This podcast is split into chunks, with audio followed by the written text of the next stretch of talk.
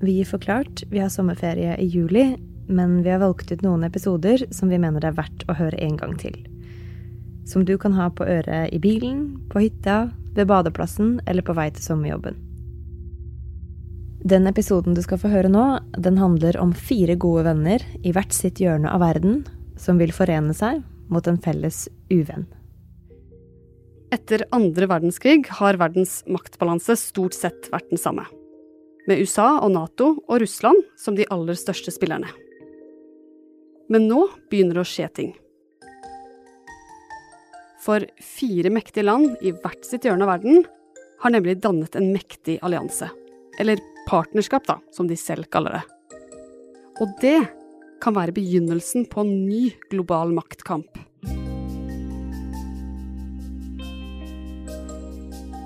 Du hører på Forklart fra Aftenposten. Jeg heter Ina Swann, og i dag er det onsdag 7. april.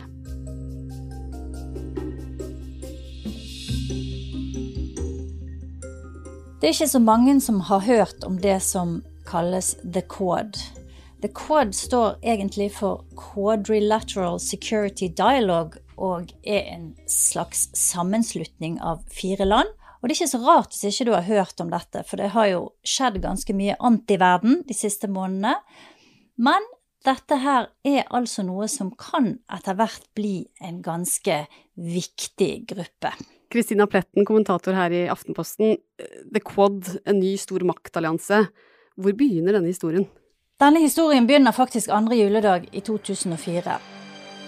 Ja, God kveld og velkommen til Dagsrevyen andre juledag.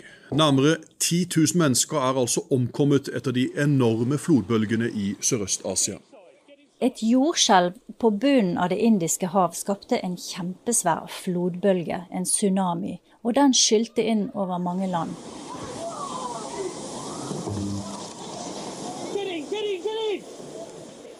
Det var et område fra Sri Lanka og India i øst til Thailand og Indonesia i vest som ble rammet. Og her hadde du jo kystsamfunn, fattige fiskelandsbyer. Eh, du hadde strender proppfulle av turister fra vestlige land. Og det var en sånn katastrofe som førte til at over 200 000 mennesker mistet livet. Det er en av de verste katastrofene i verdenshistorien. Skjelvet ved totida i natt målte 8,9 på Richters skala og hadde sentrum på bunnen av Det indiske hav. Opptil ti meter høye flodbølger flommet inn over områder i Thailand, Sri Lanka, India, Indonesia, Malaysia. Og det ga altså spiren til et samarbeid mellom fire store, mektige land. Det som skjedde i dagene og ukene etter denne flodbølgen, det var at fire store, mektige land de begynte et slags organisert samarbeid om å hjelpe. Og det var USA, India, Japan og Australia. Og dette er jo egentlig veldig forskjellige land som ligger spredt over hele jordkloden, men de ble alle rammet, både direkte og indirekte. Det som skjedde, var at disse fire landene dannet en kjernegruppe som styrte veldig mye av krisehjelpen på mange forskjellige felt etter tsunamien. Dette samarbeidet oppsto ganske spontant eh, for å fylle et helt desperat behov som jo kom etter denne store katastrofen. Og det var alt fra å få penger til landene til å sende team som kunne hjelpe til med identifisering av de døde. Det var eh, krisehjelp til alle de som hadde mistet hjemmene sine, til turister som ikke kom seg hjem eller var på leting etter eh, slektninger og venner som var omkommet. Så det var en st veldig stor oppgave som disse fire landene samarbeidet om å, å lede og, og, prøve å møte de behovene som, som oppsto i, i ukene etter tsunamien. Men samarbeidet mellom de fire landene det stoppet ikke her. For etter katastrofen i 2004 så fortsatte landene å snakke sammen om videre samarbeid. Tsunamien plantet altså et frø om en slags allianse mellom disse fire landene. Ordet allianse er litt sensitivt fordi det minner om Nato, så det er noen som mener at det er for sterkt. Eh, den tidligere statsministeren i Japan kalte det en democratic security diamond. Først. Og det var japanerne som var de tidligste pådriverne for The Quad. De begynte å snakke med India og dro med seg USA og Australia. Og i 2007 så hadde de sitt første veldig uoffisielle møte i Manila. Men dette fikk Kina til å reagere sterkt, og Sør-Korea var heller ikke særlig begeistra, noe som førte til at prosjektet rett og slett ble lagt på hylla. Men allikevel så fortsatte interessen for et samarbeid. Og ti år etterpå, i 2017, så våknet det for alvor til liv igjen. Den gangen så var det snakk om å sikre handelsruten fra Asia til Europa, og den gangen var det også veldig diskré samtaler på sånn byråkratnivå som egentlig utgjorde The Quad. da. Men så, fire år seinere, tidligere i vår, så dukket altså The Quad opp igjen, og denne gangen var det koronapandemien som brakte alliansen frem i lyset.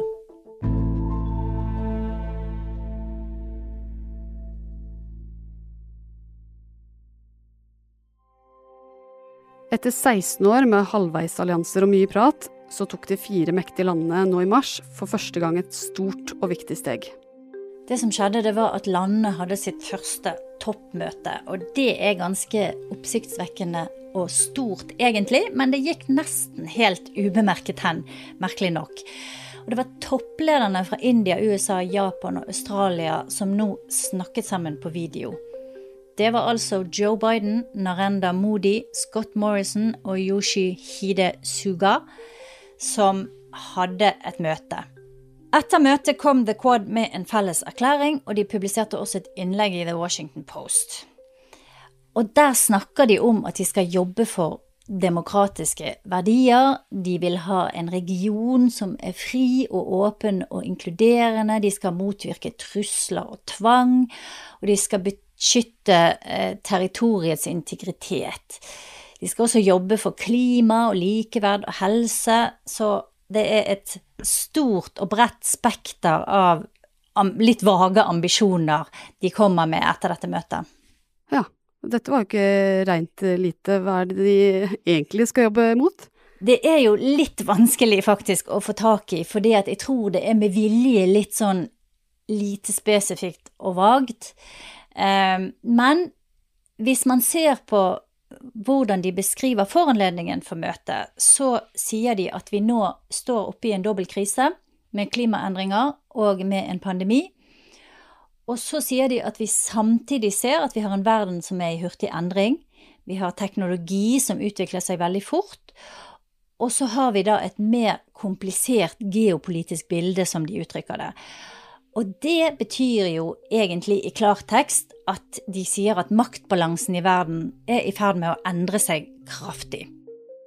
Og da kommer vi jo naturlig nok til å tenke på Kina. Kina er ikke nevnt med et eneste ord, verken i erklæringen deres eller i saken fra Washington Post, men det ligger jo under som en kanskje den viktigste faktoren for hvorfor dette skjer, altså trusselen fra Kina. There is no question that China will pose a great challenge for an open society such as ours. China is angry and wants the world to know. The Foreign Ministry has come out and cautioned Australia, the US, and the UK to stay out of its matters or risk having their eyes poked out. Det de frykter, er Kinas innflytelse og makt utover det landets egne grenser, og at de er opptatt av å finne en måte å motvirke det uten å virke for provoserende. Så dette er en veldig sånn eh, vanskelig balansegang. Ok, men hvordan har de tenkt å utfordre Kina, da? Har de noen plan? Påskuddet for å ha dette toppmøtet er jo samarbeid om vaksiner. Og da snakker de blant annet om næringskjeden, altså det å kunne etablere en uavhengig næringskjede, dvs. Si fra å skaffe råvarer til å produsere en ferdig vaksine.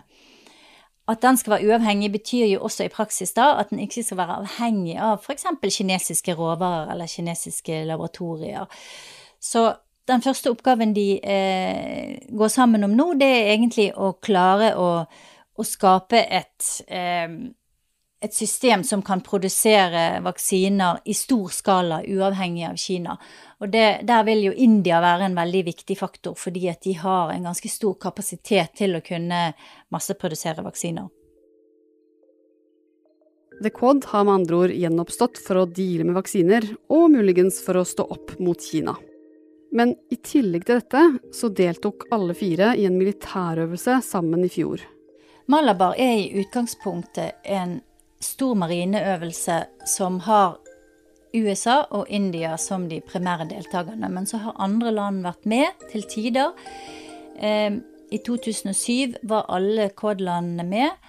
Og det skjedde altså igjen i 2020. Da ble Australia også invitert inn og var med på denne øvelsen som fant sted i november i fjor. Og med både toppmøte på ledernivå og nå militærøvelser, så begynner flere å lure på om The Quad er på vei til å bli noe annet enn det de gir seg ut for å være. Nemlig en utfordrer til en av dagens mektigste allianser Nato. Nato er jo styrt av en traktat. Det ble dannet etter andre verdenskrig og er en veldig formell allianse mellom en rekke land i Europa og USA.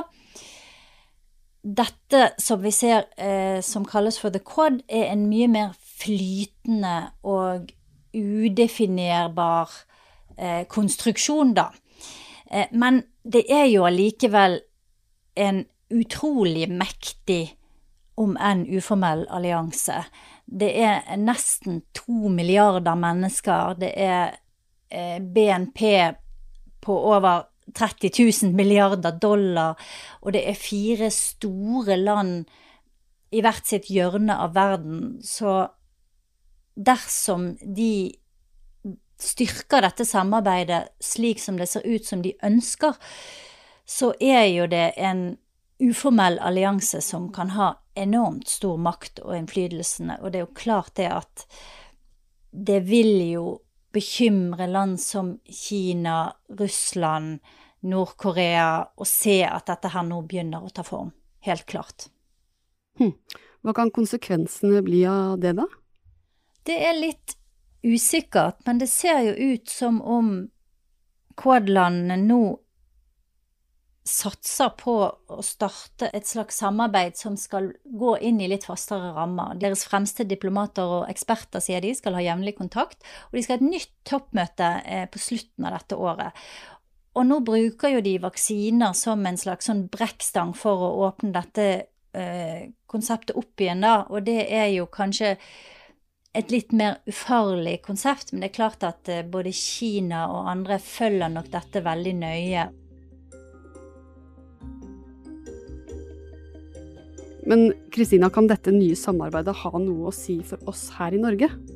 Joe Biden har sagt veldig tydelig at han støtter Nato, at han vil eh, oppfylle USAs forpliktelser på samme måte som USA har gjort før Trump da eh, kom og kritiserte Nato. Så på papiret så er USA fortsatt en, en sterk alliert, men det er klart at jeg tror hvis vi ser litt lenger inn i fremtiden, så er det nok snakk om at kanskje både penger og eh, oppmerksomheten vender seg i større og større grad bort fra Europa. Ja, For hva kan vi egentlig forvente oss av The Quad fremover? Det er veldig vanskelig å svare på. Jeg tror at hvis dette vaksinesamarbeidet blir vellykket, og hvis de klarer å få til et samarbeid med tross alt veldig forskjellige utgangspunkter, som disse fire landene jo har, så kan det jo f.eks. bety at to kjempeland som USA og India vil knytte sterkere bånd og vil danne et nytt tyngdepunkt geopolitisk som kan få veldig stor betydning i de neste tiårene. Og så kan det jo kanskje ha en positiv betydning f.eks. i klimakampen. Hvis de der kan få til et samarbeid med Kina, som de har snakket om også, så, så er ikke det sikkert at dette bare trenger å bety militær konflikt og negative ting. Det kan hende at det er kimen til noe bra og positivt også.